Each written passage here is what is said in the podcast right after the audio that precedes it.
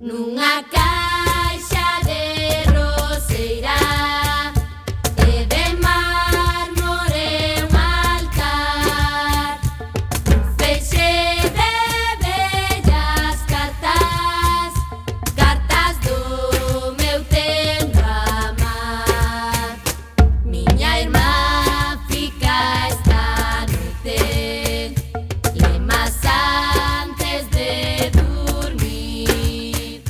Ola, que tal, recendeiras e recendeiros? Benvidas e benvidos a este espacio radiofónico semanal dedicado á cultura que facemos en riguroso directo todos os martes ás 7 da tarde aquí en Coac FM no 103.4, a Radio Comunitaria da Coruña.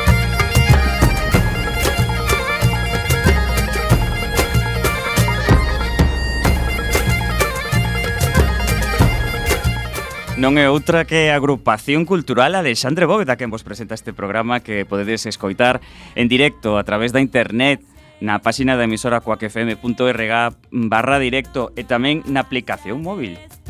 E se non chegaches a tempo, non tes excusa, compañeira. Podes descargar todos os programas emitidos en Radioco, o mega podcast da nosa emisora. Ou tamén podedes escoitalo na redifusión, que será os mércores ás 8 da mañá, os venres ás 18 horas e na madrugada do domingo ao luns ás 12 da noite. E tamén, por que non, ben nos podedes seguir nas redes sociais, tanto a deste programa Recendo como a da propia agrupación cultural Alexandre Bóveda que teñen abertos os seus canais en Twitter e Facebook ou ou na páxina web www.acalexandreboveda.gal.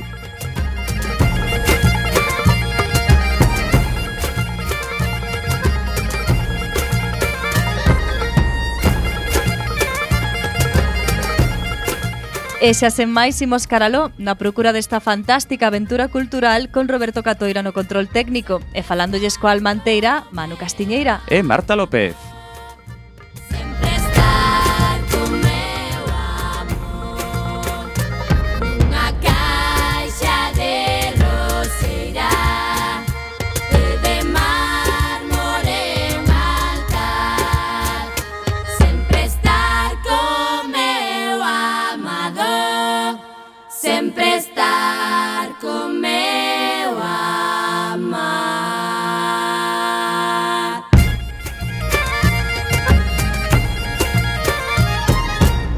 Chegamos ao programa número 322. Hoxe estarán connosco dos representantes da Galure, a Asociación Galega de Ludópatas Rehabilitados. Concretamente están hoxe aquí Francisco Gil e o seu presidente Gerardo Rodríguez, un dos seus vogais.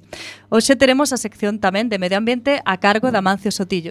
E como facemos sempre, imos falar tamén das actividades da nosa agrupación e de outros eventos que se fan na Coruña e na Galiza e que tamén son cultura. En canto a música de hoxe, as Tan Xugueiras sacaron o seu primeiro disco, por si non o sabíamos, no ano 2018, o ano pasado, e está sendo unha das sensacións da temporada. Xa puxemos algunhas cancións hai uns meses, pero a aproveitando que este venres próximo tocan no Agora Son, pode ser e, de feito, unha moi boa excusa para escoitalas de novo. Así que, sen esperar máis, presentamos xa a primeira peza de hoxe que leva por título Non cho sei.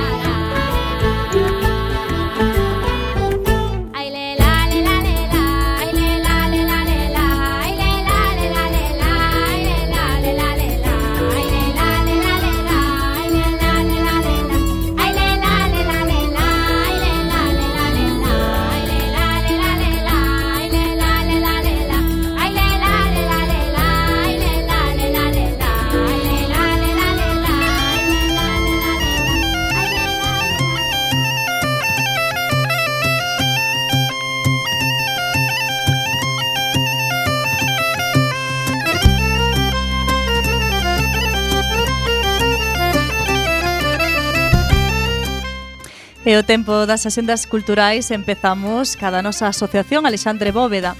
O Benres 10, Yolanda López presenta o seu poemario A secuestradora de océanos, un conxunto de poemas breves, intensos, plenos de mar e natureza, enormemente visuais e, segundo verbas da autora, moi visuais e dotados dunha enorme plasticidade e inter intertextualidade. Estará acompañada pola poeta Claudia Castro e o editor de Urutao Editora, Vladimir Paz. Haberá música en directo da man do grande violinista Javier Cedrón Fernández. Será ás 20 horas no noso salón de actos. Un pouco máis adiante no mes, a finais de mes de feito, colocámonos no mércores 29, así xa oide sabendo, E sabendo temos unha homenaxe a Xavier do Campo co acto titulado Na voz da amizade, presentado por Yolanda Castaño, grande amiga de Xavier. Serán os amigos e amigas os que aquí terán a palabra desde, bueno, son un lote deles. Paco Martín, Xavier Senín, desde Fina Casal de Rey a Suso de Toro, Alfonso García San Martín, Chus Fernández, Paula Carballeira, Manuel Bragado, Xosé Manuel Pereiro, María Canosa, o audiovisual a súa voz e a súa imaxe na terra e fora dela, sempre traballando pola lingua, o ensino e a cultura deste país. A música estará na voz de Miro Casabella. Vai ser ás oito e media dese mércores 29 no Teatro Rosalía de Castro.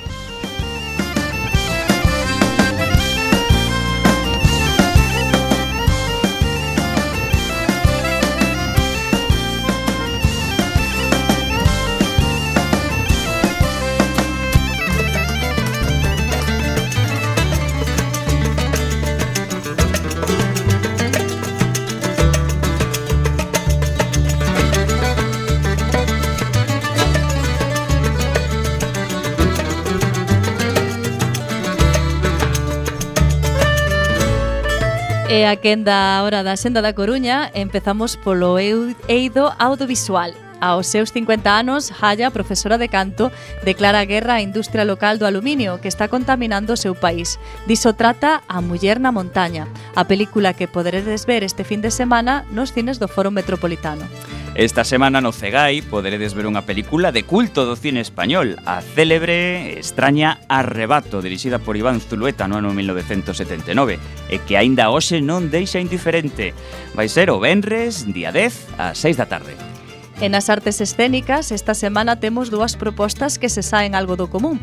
Se vos gosta a danza contemporánea e experimental, pode interesarvos a obra Mercedes Maiseu, con música en directo de Mercedes Peón e Janet Novas actuando. Será o sábado 11 ás 20.30 horas no Teatro Rosalía de Castro. Pero se vos interesa máis o teatro infantil, nunca se sabe, Elena Lizari trae a súa obra Malevable, que é un espectáculo sensorial de movimento para rapazada moi nova e con prezos populares. Este acto vai ter lugar o domingo día 12, con sesións ás 11 media e a 1 no Ágora. En canto á música, no ciclo de concertos de música de cámara organizado pola Sociedade Filarmónica de A Coruña, en colaboración co Orquesta Sinfónica da, de Galicia, visítanos o quinteto chamado Al Aire Español, acompañado polo contratenor Toshiharu eh, Nakajima, a pesar do seu nome, tocarán pezas de Bononcini, Corelli e Scarlatti. Será hoxe ás 20 horas no Teatro Rosalía. E tamén no terceiro ciclo Música de Cámara no Museo, organizado polo Conservatorio Profesional de Música da Coruña, haberá un concerto no que tocarán o Ensemble Barroco e o Cuarteto de Cordas Arbitrium. O sábado 11 vai ser ás 12 no Salón de Actos do Museo de Belas Artes con entrada libre ata completar o aforo. Corufest nace como un festival de artes escénicas que aposta pola programación de accións que dean visibilidade á liberdade afectivo-sexual. Ten o respaldo do Concello da Coruña, Deputación da Coruña, Teatro Colón, Fundación Luis Seoane e Teatro Rosalía de Castro para a realización da primeira edición en maio do 2019. Hai eventos dende o xoves 9 ao domingo 12, pero parecen destacar os dous eventos do Teatro Colón. O Benres 10, ás 20.30 horas, poderedes asistir a Miguel de Molina, o musical. E o sábado 11, dende as 20 horas, actúan Closet e Poto Chino Maricón. Puto Chino Maricón, perdón. Eh, dous eventos máis de música galega. O grupo de hip hop en galego, claro, EZR está de xira polo país presentando o seu primeiro disco titulado Pólvora e Tormenta. Actúan este Benres 10 ás 10 e media da noite na Sala Mardi Gras. Gloria, a cantante de Mamá Cabra, un dos principais grupos de música infantil acompañada por unha banda, fai neste espectáculo de Beribés, un percorrido polos mellores éxitos do grupo. Será o domingo 12 ás 18 horas no Teatro Colón. E despedimos a xenda local dicindo que non todos os días podemos coñecer a un alpinista que subiu os picos do Himalaya. Estes días visítanos Alex eh, Chicón. O acto comezará coa proxección dun documental da súa ascensión ao Pico Pumori. Despois ofrecerá unha charla sobre a expedición invernal o K2 que escalou a comezos deste ano. Vai ser o Benres 10 ás 7 e media da tarde na Domus.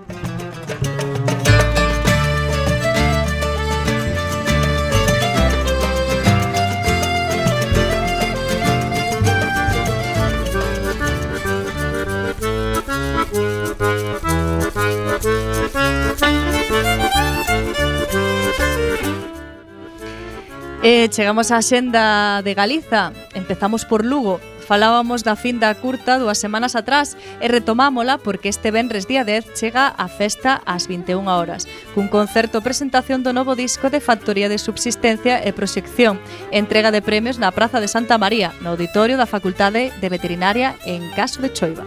E de Lugo movémonos ata Ourense. Expo Ourense e a Asociación de Concesionarios de Automóviles de Ourense, que ven sendo a Cauto, organizan o Car Outlet que se celebrará no recinto feiral nesta fin de semana do 10 ao 12. Un total de 21 marcas estarán representadas a través dos 16 concesionarios acollidos a Cauto que participarán como expositores nesta segunda edición. Trátase dunha cita vencellada a un dos sectores comerciais de peso, a automoción, na que se reunirán máis de 300 coches con ofertas especiais. E imos a Pontevedra, onde podedes pasar 5 horas con Mario, en menos tempo do que di o título da obra. Nunha época na que había unha forte censura, Delibes escribiu esta obra como crítica á moral franquista. Marzo de 1966, Carmen Sotillo acaba de perder o seu marido Mario de forma inesperada.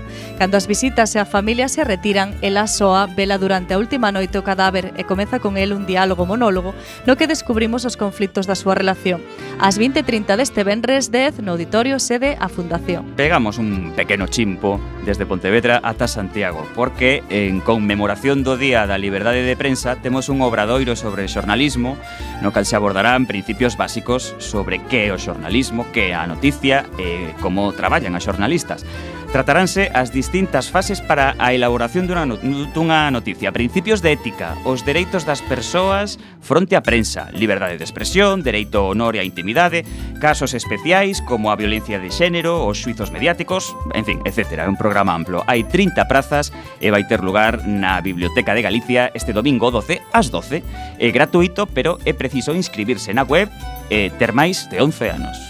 E baixamos a Vigo, con invitación e a partir de 4 anos, Pegadas da Paz, de Paz, trae historias entre xente que vive en terras diferentes, pero tamén entre veciños, entre irmáns, aínda que a súa raza sexa diferente. Historias de esperanza para todos os que desexen celebrar e herdar un mundo en paz. A Biblioteca Pública Juan Compañel acolle este espectáculo de 45 minutos o sábado día 11 ás 12 da mañá. E subimos ata Ferrol para falar de Fatumata Diaguara, que está considerada a gran nova dama da canción africana. Cos seus dous discos, esta cantante e actriz, nacida en Costa do Marfil, pero crecida en Mali, pasou de ser unha voz emerxente a nova estrela da música africana. O seu primeiro disco data de 2011 e desde entón non parou. Unha paradiña así que fará de todas formas no Auditorio Ferrolán este domingo, día 12, ás 8 da tarde. E hoxe, como vila convidada, imos a Quiroga. Aceite, viño e amigo, mellor canto máis antigo. A mostra de aceite de Quiroga celebrase no lugar de As Farrapas, na parroquia de Bendilló, este domingo 12. Ali os visitantes poden contemplar o proceso íntegro desta elaboración artesanal. O resultado é un aceite virxe extra, de cor amarela verdosa, limpo e brillante. Ademais dos postos onde os colleiteiros poñen a venda o aceite, na mostra non faltan outras delicatesen da zona como castañas, viño, mel ou licores caseiros, as actuacións de música e danza tradicional, unha cata de aceites participantes e outras desgustacións Adeus!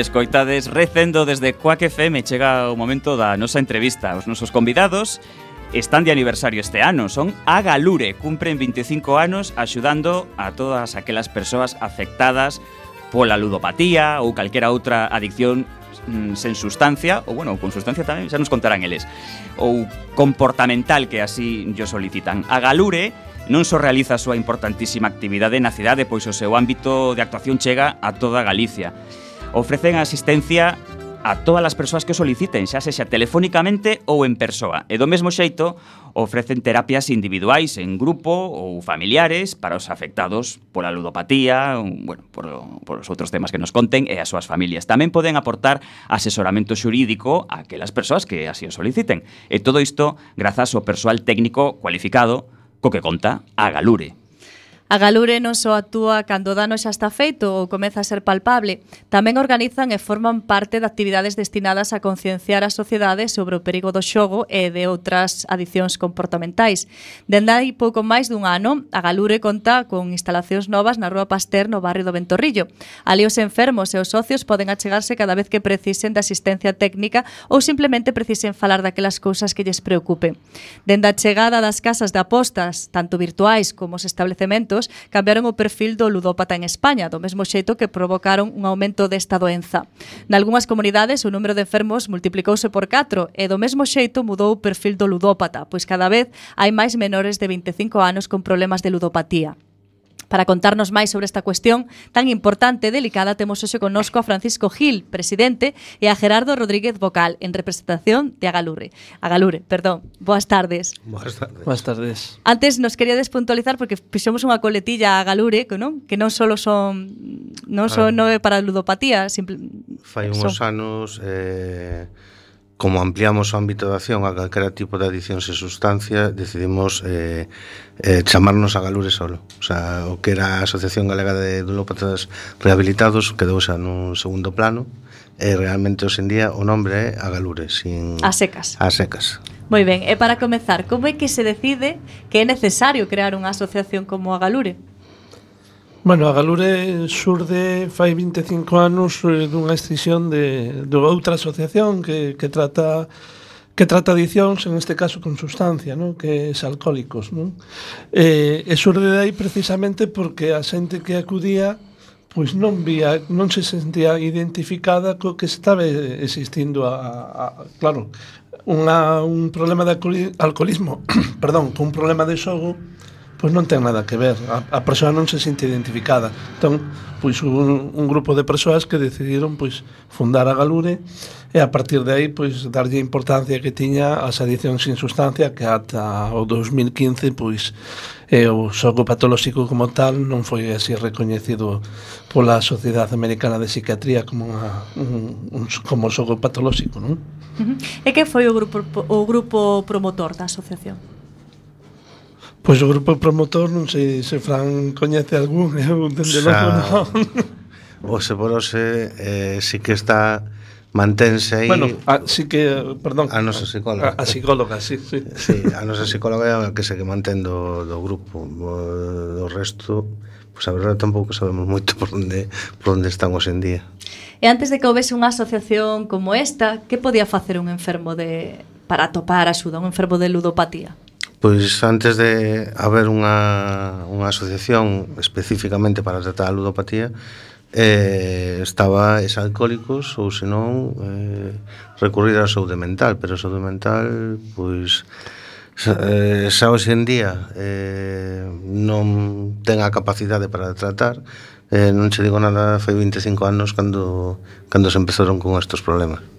Ademais tampouco se recoñecían como un problema o millor, non? O da ludopatía, entonces tampouco mm, se Levou non había un problema, tampouco se buscaba unha solución. Levounos moito tempo eh, tanto ca sociedade eh, para os propios enfermos que reconocerán que isto era unha enfermedade, para que todo o mundo cando chegaba pola asociación era todo un vicio. O sea, claro, no, e os vicios, pois... Pues... Claro, non, non se tratan médicamente como se... Hoxe en día, en eso avanzamos, o sea, casi todo a xente que ven a tratamento, ven a pedir información, xa sabe que se trata dunha enfermedade, eh, co reconocimiento, mm, como enfermedade a nivel a nivel oficial, pois pues, eh, eso sí xa está superado. Bueno, eh, eh, falamos correctamente se dicimos eh, adicción sen sustancia ou comportamental, ¿sí? Exactamente. Eh, cales son as adiccións máis habituais neste, neste sentido? Está, está claro que a que leva todo é prácticamente todo é o xogo patolóxico, ludopatía, pero logo hai compras compulsivas, hai videoxogos, atención, porque, bueno, o Fortnite está a facer moitísimo dano, pero moitísimo dano na xuventude moza. E logo tamén temos a adicción ao deporte, Uh -huh. Tamén se considera unha enfermidade. Sí. A adicción ao traballo. Así que non traballar, non traballar demais. Eu desescoñezo un pouco. Eh, pero todo eso eh, está dentro Fainos da... pensar en Xapón, verdade? Isto sí, da, sí. dos adictos ao traballo Como unha imaxe típica que podemos ter de, de Adición ao sexo tamén Xapones, adición ao sexo, sí, tamén estaba pensando nela uh -huh. mm. O sea, todas esas adición Calquera eh, adición que non teña unha sustancia Ímola tratar mm. Eh, sin embargo, que está máis visibilizada con diferencia con é diferencia. a ludopatía. Iso é así porque existe de forma recoñecida desde hai máis tempo ou hai algún outro motivo que explique que, que, que se leve toda a fama a ludopatía e non estas outras que comentades? Digamos que as outras son menos visibles. Mm. Vale. Os videoxogos agora sí que empezan sí. a ver, de, de feito pois cada vez son ma maiores as consultas que temos de pais e nais referente a esta temática. Eh, tamén empezan a chamar de, de centros eh, de ensinanza para ter reunión con unha xuntanza con eles. E eh, é preocupante, a verdade. A verdade é que é preocupante porque xa tam, tamén mesmo os rapaces, cando damos algún taller de prevención, xa están a comentar de que, bueno, sí que, sí que hai bastante bastante preocupación en eles. Empezan polos videoxogos e acaban polas apostas. O sea, aí, aí temos aí un problema serio por de, de falta de, de perda de control. Sí, precisamente iso é algo que vos quería comentar, non? Eh, esta, esta amenaza recente que parece bastante real en relación cos apostas deportivas, non? Entón, vos constatades que, que está sendo así ou todavía non, non tedes demasiados casos? Eh, non, está sendo así. Eh, a verdad que está está baixando moitísimo a idade da xente que ven á asociación. Podemos falar que fai dez anos a o, a persona o adito ao xogo que viña era unha persona de 45 anos en adiante, casado, con, con un empleo estable, un poder adquisitivo medio alto, e hoxe en día a idade máis ou menos se centra sobre os entre os 20 e 30 anos, eh, unha persona solteira e sin, en moitos casos hasta sin traballo, estudiando. A idade, a idade media de inicio no, nas persoas que acudiron a, a unha diagnose o ano pasado sitiouse en 18,2 anos sí. idade media iso quere decir que moitos empezaron a xogar sendo menores de idade mm. Sí, sí, eh, lo comentaba porque sei, sei hai casos que antes de chegar a maioría de idade xa, xa están mergullados no, no asunto este das, das apostas uh -huh. deportivas. E cal é o perfil do ludópata en Galicia? Se é que hai un máis ou menos cada foi... vez máis novo, isto sí. tamén af, eh, tamén en Galicia, imagino. Sí, sí, sí, sí, o sea, eh, nos os datos que manexamos sempre son os datos da nosa asociación. Nos levamos, eh, o sea, tratamos a ludopatía na Coruña e Lugo. Eh, son os datos que, o sea, as medias de edad que están eh, crecendo, o sea, eh, é unha adición normalmente ás tragaperras, eh, sempre foi a reina da da ludopatía, pero neste caso as apostas deportivas e, e o xogo, xogo online están superando entre os dous, están superando o que é o, o xogo por tragaperras. Se non me equivoco, no País Vasco, non sei se eh, suprimiron os, os, os anuncios de, de apostas ou non. Sí, eh, sí, pero entre comillas, supre, suprimiron o, o, sí, sí, a, a publicidade, de, a publicidade de xogo de apostas, pero o xogo pasivo podese publicitar, é dicir, eh, lotarías, eh, eh, rascas da 11, digo rascas, eh, o cupón da 11 tamén. Pode Eso ser, tamén é un, ser, sí, é claro. un problema Quero dicir, claro, eu nunca vin a lotaría O mellor claro. os, ou a 11 ou a primitiva sí. non, o, o, un... Eh, de, de, Decimos que un, que un menor de idade non pode xogar Non, non pode intervir nun xogo de azar Os nenos de San Ildefonso que fan? Non, están eh. intervindo no xogo Sí. Ah, pero claro, como é algo, o sea, que... Sí, moi puntual. En... É, é puntual, é histórico, é, está aceptado e tal. Pues, temos que romper con esas cousas, non? Supoño que co, co xogo tamén pasa un pouco como pasaba co alcohol, non? Que era algo moi que está moi normalizado, non? Agora xa non hai publicidade de, de alcohol, pero Eh, está eh, moi arraigado. Está moi arraigado na nosa sociedade, na nosa mm. cultura, entón é como que forma parte. Sí, perdón, que ibas sí, no, no. Eso ven a, a cuestión dunha dunha bueno, un, un resultados dunha enquisa que fixo profesor Rial Bubeta da Universidade de Santiago eh, con 735 menores que fixemos a través da Galure. De esos 735, eh, un de cada cinco aposta. Un de cada cinco entre 13 e 18 anos. Ah, eso é moi alto. Sí, pero o peor é que dous de cada tres proxenitores saben que seus fillos apostan. Eso van a colación co que estábamos a e falar. E non lles parece un problema. E non lles parece un problema. Bueno, imos Eso é gravísimo.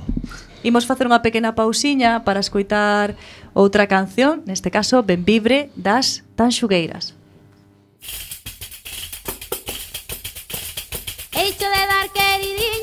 Chale de arqueoteño,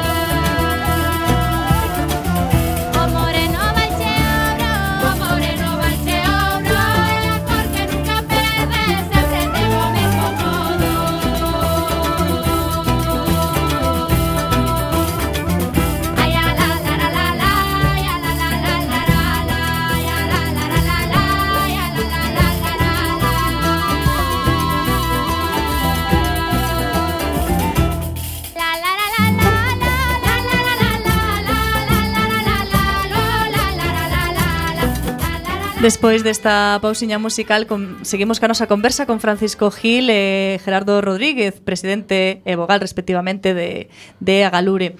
Eh, eu quería preguntarvos tamén se si entre hai diferencia entre mulleres e homes a hora de, de, da ludopatía, se si é máis frecuente entre homes ou, ou entre mulleres ou que nos podedes decir eh, ao respecto? Polos datos que nos manexamos eh, o 90% máis son homes realmente sí que sospeitamos eh, podríamos decir que sabemos que tamén hai moita muller que, que xoga pero non dan o paso de, de vir á asociación ou de, ou de decir que teñen un problema mm, o, bueno. ocorren outras adicións tamén eh? a, a muller é reacia a ir a, a, a pedir axuda mm. eh, Trátase de tapar no entorno no entorno familiar e, e de aí non, non sai. De, realmente fan falla campañas eh, de, de, sobre, sobre esta temática, pero non só en,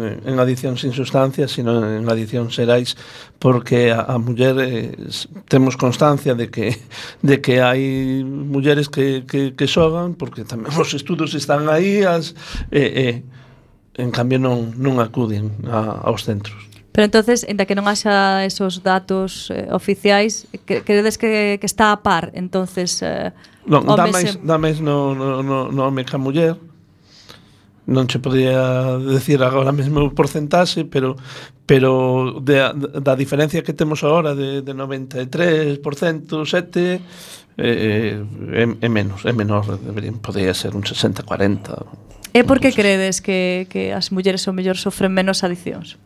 Este, mm. este tipo de adiccións? Non, a ver, que sufran menos mm, unha, eh, podemos tratar como o, sea, como paciente principal, pero eh, nós tamén consideramos afectados pola enfermedade as pareses eh, as familias dos, dos que veñen pola asociación. O sea, sufrir a enfermedade van sufrir tanto o enfermo en sí como os, os familiares que o acompañan. O sea, que padecer al padecen todos. O sea, non é, non é tal.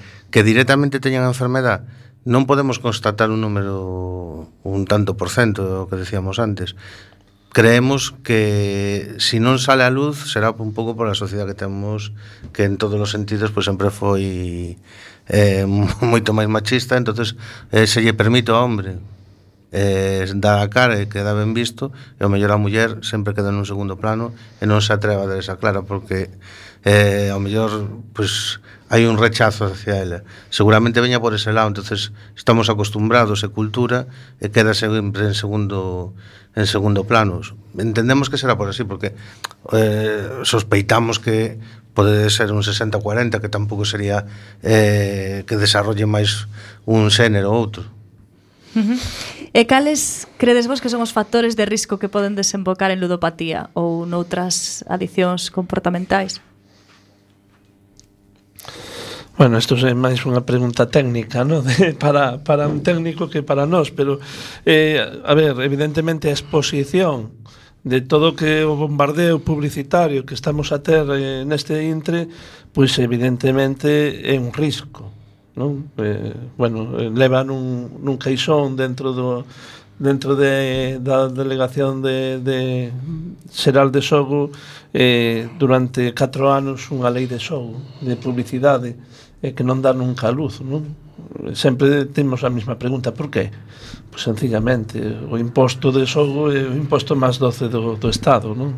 É o primeiro, o primeiro operador de xogo é o Estado, lotaríase, non, non é por tal, pero evidentemente onde se está a facer moito dano, é moitísimo dano, é a publicidade perniciosa de día a día un operador de xogo está a facer con as apostas eso tense que regular, tense que acabar dunha vez, tense que acabar eso de dar eh, un bono de regalo para poder xogar, eu eh, vou a, a mercar calquera cousa en comercio eh, e nin, ninguén me, di, me dá 4 duros por, por 20 pesos, non? Como, que, como quen di, non? É que é un pequeno cebo, non? Para... Claro, é un cebo, pero que, a ver, eh, unha empresa de xogo é unha empresa legal, que quede constancia que nós non estamos en contra do xogo porque é unha actividade legal, pero ten que estar regulada.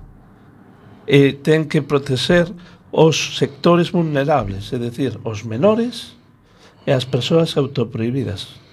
O sea, ninguén de, ningún destas dous sectores poden eh, acceder ao xogo, están accedendo. Entre todos, non só entre operadores a asociación, senón de toda a sociedade é a responsabilidade que de que eso non exista. A que te refires con persoas autoprohibidas? Son persoas que persoas que tivemos a adicción e que voluntariamente pois o que facemos é, é acceder a un rexistro que se chama de interdicción para dicir, eh, se eu quero entrar nun local de xogo, cando me piden o DNI, me van a impedir a entrada. Uh -huh. ¿Mm? é un filtro, unha, unha pequena axuda para evitar pois eh, claro, eh, o, hai como un impulso, tentacións ¿no? e polo menos eh, non chegar é, a porta do local, pero non é a solución, pero é, é, é digamos un, unha axuda. Unha axuda. Sí, eh, despois aparte outro dos factores de risco é eh, un pouco tamén pois o cultural, o sea, igual que co alcohol é eh, unha actividade social, o tabaco é unha actividade social, pois o xogo eh sempre foi unha actividade social, o de botar a quiniela entre amigos, tal, pero ahora se está indo das mans. O sea, ahora estas máquinas eh, é moito máis rápido, entonces crea moita máis adicción.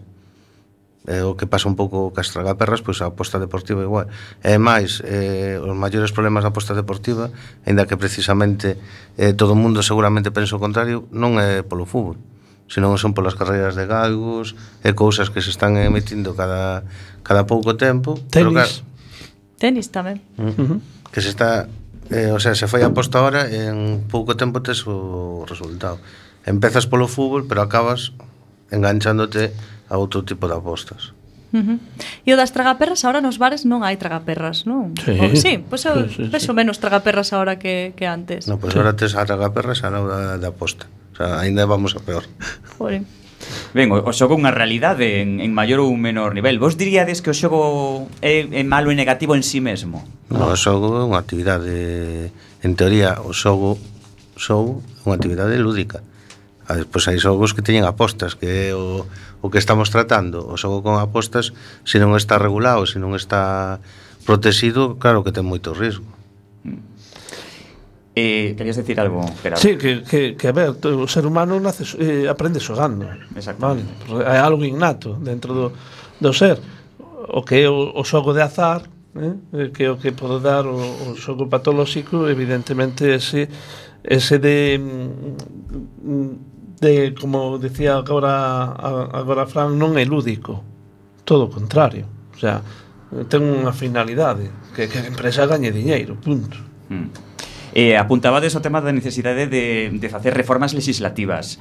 Eh, pero, mm, polo que teño entendido, falábamos tamén antes algo a micropechado, non sería o mesmo eh, regular eh, os xogos online que o das máquinas, non? Nos establecementos. Así é. Como sería entón o tema? A ver, eh, é eh, que hai, dos, eh, hai eh, en xogo presencial hai 17 legislacións estatais diferentes por cada comunidade autónoma. A de Galiza eh, data do ano 85. Estamos estamos a ver se si sae a luz a nova lei que de momento, pois bueno, deste outubro pois non temos eh, estamos participando no no apartado de xogo responsable eh, estamos esperando que nos volvan a chamar. De momento non nos chamaron. Eh, a nivel nacional que eh, é o a nivel de xogo online, é dicir, todo o que se fai a través do, do móvil, a través do ordenador, eh, aí é, é a competencia nacional é a, a, a que legisla. O que chamamos mal chamado xogo online das, a, da máquina de apostas que hai nos bares, eso é xogo presencial. Ben, non sei se existirá unha adicción á natureza, o digo porque agora facemos unha pequena pausa para recibir a Mancio con nosa sección de medio ambiente. Esta é a sintonía que nos trae a Manzo Sotillo hoxe chego o día No que non poides respirar no medio ambiente acordaraste Desta profecía cando chego o día No que non poidas comer comida de verdade acordaraste Desta profecía cando chego o día No que non poidas beber auga potable acordaraste Desta profecía cando... Pois como estará o medio ambiente? Amancio, boas tardes Moi boas tardes, que tal? Que nos contas no día de hoxe? Bueno, pois En principio, o medio ambiente está como está, pendiente de, do que vai a ser o proceso electoral das municipais, mm. que aí estamos, dende a Vega, publicamos estes días 50 directrices para seguir a nivel medioambiental, a ver quen o asume, quen non o asume, pero pensamos que é un traballo moi serio, moi responsable e que con un pequeno impulso que se lle dera desde as institucións municipais que cambiaría toda a, a percepción do medio ambiente. Eso por unha parte. A nivel de, de temas así que están un pouco en riba da mesa, hai un tema aí en na zona de Cambre que non sei se si controlaredes que é o tema do enlace de, da vía Ártabra ca, auto, ca autopista coa 9 e ca autoestrada a 6 sí. e andamos aí, bueno, pois mirando como está todo o tema porque hai un, unha reforma do proxecto que fixo a Xunta de Galicia e a verdade é que colle unha zona do río Gándara que con moita afectación. Entón, bueno, pois é o que en este momento que andamos un pouco metidos. Bueno, as perspectivas son son optimistas, Amancio, ou non demasiado? Eh, sí, como sempre, sí, sí, sí, sí, sí, sí porque non? Sí, sempre pa diante e sempre, pois, pues, eso, intentando colocar o medio ambiente eh, no, no, no, no centro de, de todo, porque ao fin e ao cabo nós estamos formamos parte del, non tamén? E todo, bueno, as noticias que saliron hoxe, por exemplo, da degradación de especies a nivel planetario, é importantísimo con todas as especies que van a desaparecer en poucos anos e son cousas que, que empezamos a mudar agora xa ou vimos de deixar moi mala herencia pero bueno, todo un proceso e intentar pois repercutir o menos posible mm. Ben, pois eh, é un bo pensamento co que nos podemos sí. quedar, Amancio, e, bueno, sabendo que están aí as municipais a volta da esquina, Pois algo máis ou te despedimos ata a próxima ocasión, Amancio? No, sí, en principio nada máis, pola miña parte... Bueno, xa é bastante, eh, de todas formas. O que nos creo que sí, que, que bueno, que aí queda e que, que a xente, pois, eh, poña un pouco, igual que no caso das mulleres poñer as gafas lilas, pois no caso do medio ambiente poñer unhas gafas verdes. Claro que sí. E, e, e nos sorprenderíamos do que podemos do que pode cambiar a percepción que temos do entorno. Moi ben. Oi, pois quedamos con esa imaxe dos, dos lentes verdes que me, me gusta moito, Amancio. Pois eh, eh, collino das mulleres, eh, porque me fai a min tamén me chamou moito a atención cando empezaron con eso das das lentes lilas e a verdade é que sí e e nós agora estamos eh, procurando mover tamén eso dos lentes verdes que Muy non ben. pasa nada, pola mañán podes andar con uns e pola tarde con outros. Sí, claro. Ou dependendo dos espacios en que andes. Exactamente, por suposto, non ten problema. Pois moi ben, unha aperta, Mancio, eh, Igualmente. Ata, ata a próxima ocasión, aquí en Recendo. Vale, pois cando queirades. Ata logo. A vosa disposición, como sempre. Veña, ata logo. Chao. Pois seguimos ca nosa conversa eh, con Gerardo e Francisco de Galure.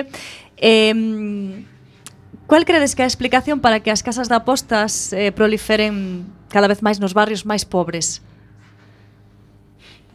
Pois a necesidade é o que se fai é buscar unha maneira de conseguir eh, diñeiro rápido.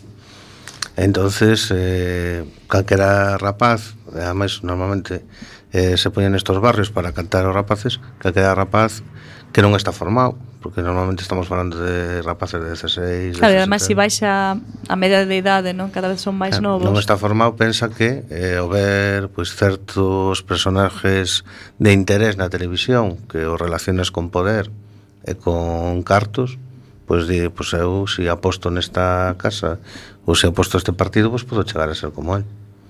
Uh -huh. Pasa igual que, que as casas de, de compra-venta de ouro, non? Igualiño, se, se vos precisades, están en sitios que, que máis ou menos en, en lugares dentro da, da cidade, nunhos barrios que non é a, a milla de ouro, e valga a redundancia, ali non hai ninguna. Non? Pois aquí igual. Xa, xa.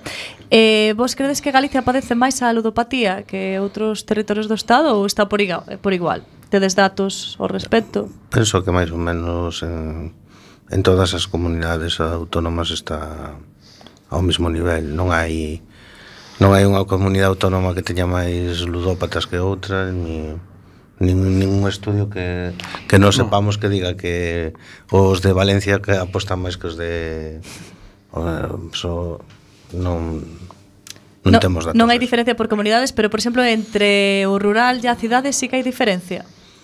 Pois Hombre, tampouco pero, que... Pero é máis eh, porcentualmente, eh, porque non é... Eh, a haber máis eh, poboación evidentemente pero en términos relativos, en por términos exemplo... relativos non, porque a ver, nos eh, cheganos de toda de toda a provincia da Coruña, de toda a provincia de Lugo e, e veñen de, non só de cidades senón de, tamén de, mo, de moita poboación do rural. Entón, o mellor, entón, non é... mellor un pouco en relación co de antes das mulleres e tal, o mellor no rural sí que lles costa máis o tema de reconocelo como enfermedade. Tanto a homes como a mulleres. Sí, sí, sí, sí. E non teñen tanta oferta, sobre todo en xogo presencial, non teñen tanta oferta como, como está na cidade. Entonces... Sobre todo en, xogo, en apostas deportivas, por exemplo. Non? Hai máis, sí, as moedas, etcétera, etcétera, en xogos pasivos, pero en, en apostas aí non, non teñen tanta tanta accesibilidade para elo. Uh -huh. E, e que podemos facer mm, se temos un coñecemento de alguén cercano e que está sufrindo unha ludopatía, bueno, penso mellor que os síntomas son máis claros en, en concretamente ludopatía que noutro tipo de, de adiccións, non? Pero bueno, o, o primeiro paso eh, tamén sería diferente de mm, se un pai, unha nai ou, ou se simplemente unha persoa cercana, pero que, que se podría facer sempre para intentar axudar esa persoa? A ver, o primeiro paso que a persona que está que ten o problema o recoñezca ela, ela mesma se si esa persona non recoñece que ten un problema, mal vamos, porque prácticamente é imposible rehabilitar a unha persona que non pensa que ten un problema. Eh, facerlle ver que ten un problema eh, e buscar sea sea con nós ou sea a través de dos ergas ou de calquera maneira, pero buscar eh, asesoramento de alguén que o trate. Pero sempre pasa por facerlle ver que ten un problema e que lo reconozco. Nas, nas familias o primeiro que se vai a detectar vai a ser un problema económico. Falta de cartos, non? Mm, exactamente. Eso é a primeira sinal. Eh, segundamente, pois, sempre é o que recomendamos cando veñen eh, familias a preguntar, dicir, mira, sentarvos con esa persoa, facerlle ver a realidade, que estades preocupados por el, e que pensades que por isto. Esa persoa vai dicir que non, Pois evidentemente, pois decir, moi ben, pois en vez de eu non teño por que creerche, pero vamos a, a, a un terceiro que faga un diagnóstico e que, nos, que non nos coñece de nada e que nos diga se existe un problema se, ou se non existe. Se existe un problema, xa falaremos. E se non existe, pois non, non volvemos a falar delo. Non? Normalmente acceden. Entón, aquelas persoas que acuden a Galure para solicitar axuda, que se pode esperar da asociación? Como traballades?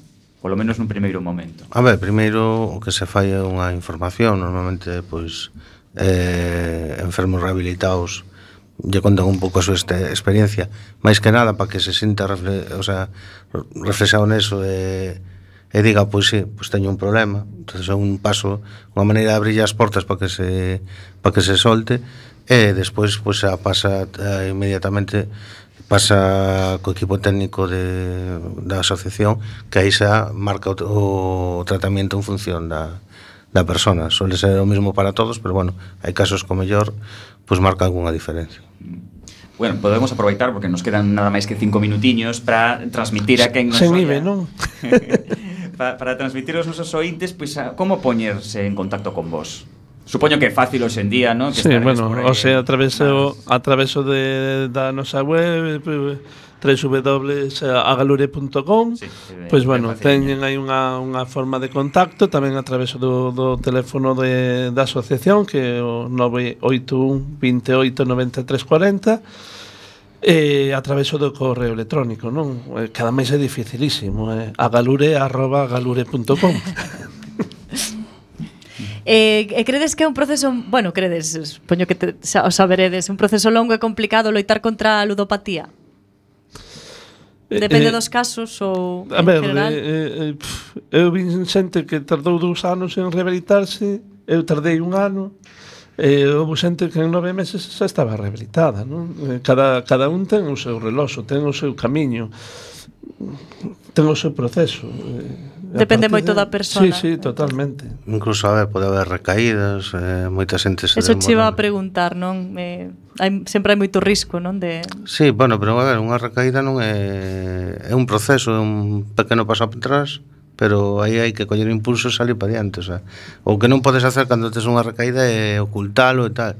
Tes unha recaída, eh, está dentro do proceso e animarte, o sea, volverte a poñer en contacto pues, ca asociación ou con que te tratara e pegar un impulso volver outra vez a, ao camiño que che marcamos.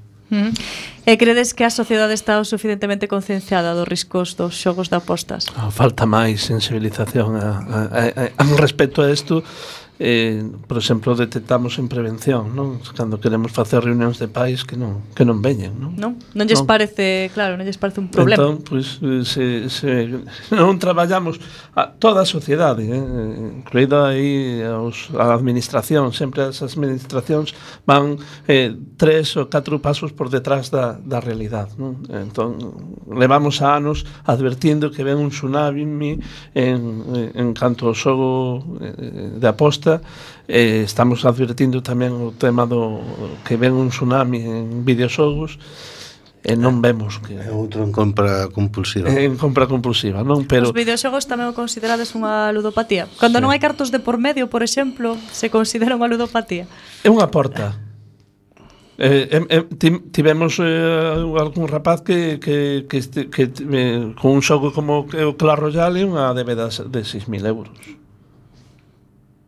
Xogan con unha aposta, non, pero... Pero teñen que comprar para non sei que... Hai un gasto que... compulsivo. Entonces, pasar moitas horas, claro. Aparte eh, eh, de, para poder pasar de, de nivel, tens que comprar non sei que... Aunque normalmente o adolescente o que busca é unha posición social. Non busca o, o, o a relación de premios, sino unha... Eu son aquí o que... Son o mellor, mellor non? Ya, a prohibición podría ser unha solución? Ou...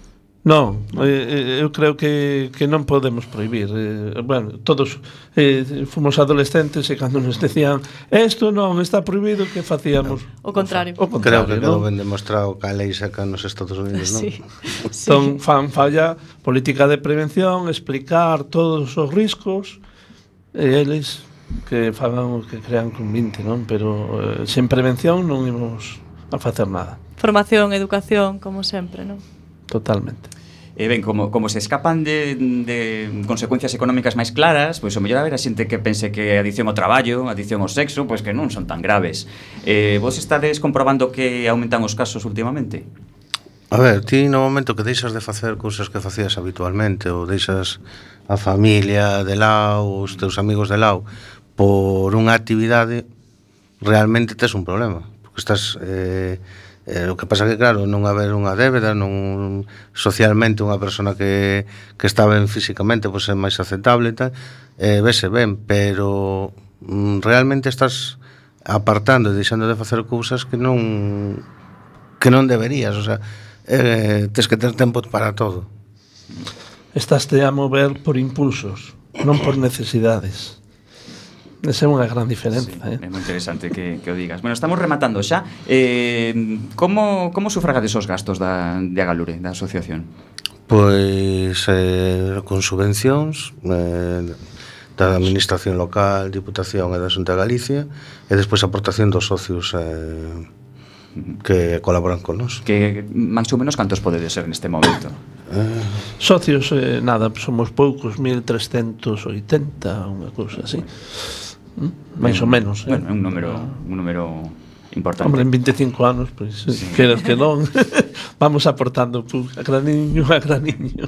Moi ben, pois pues Gerardo Francisco, temos que ir rematando, foi un placer, aprendimos detalles que non coñecíamos, así que espero que teñamos ocasión de falar noutra ocasión, nestes micrófonos ou, ou noutros. Nada, ou estamos, además, cando que irades, eh, bueno, unha última reseña, a, a Galure, pois, eh, como unha das actividades dentro dos 25 anos, pois foi designada, pois, eh, eh, que sexa unha de, bueno, que organice coa Federación Española de, de Xogadores de Azar Rehabilitados Fijar pois o Congreso Nacional na cidade da Coruña a finais de setembro. Moi ben, dito queda.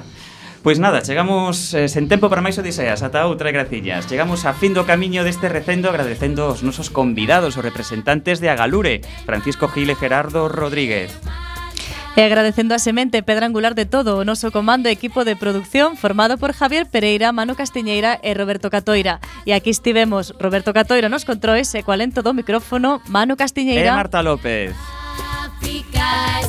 acompañándote neste recendo de palabras e de imaxes radiofónicas que nos traen este aroma cantado na nosa lingua e que nos permite hoxe e tamén no futuro a permanencia da palabra, da música e da implicación e compromiso coa nosa nación. A Galiza, ata o vindeiro martes ás 7 da tarde, en directo, nesta emisora Coac FM, recendo as mil primaveras que terá o noso idioma.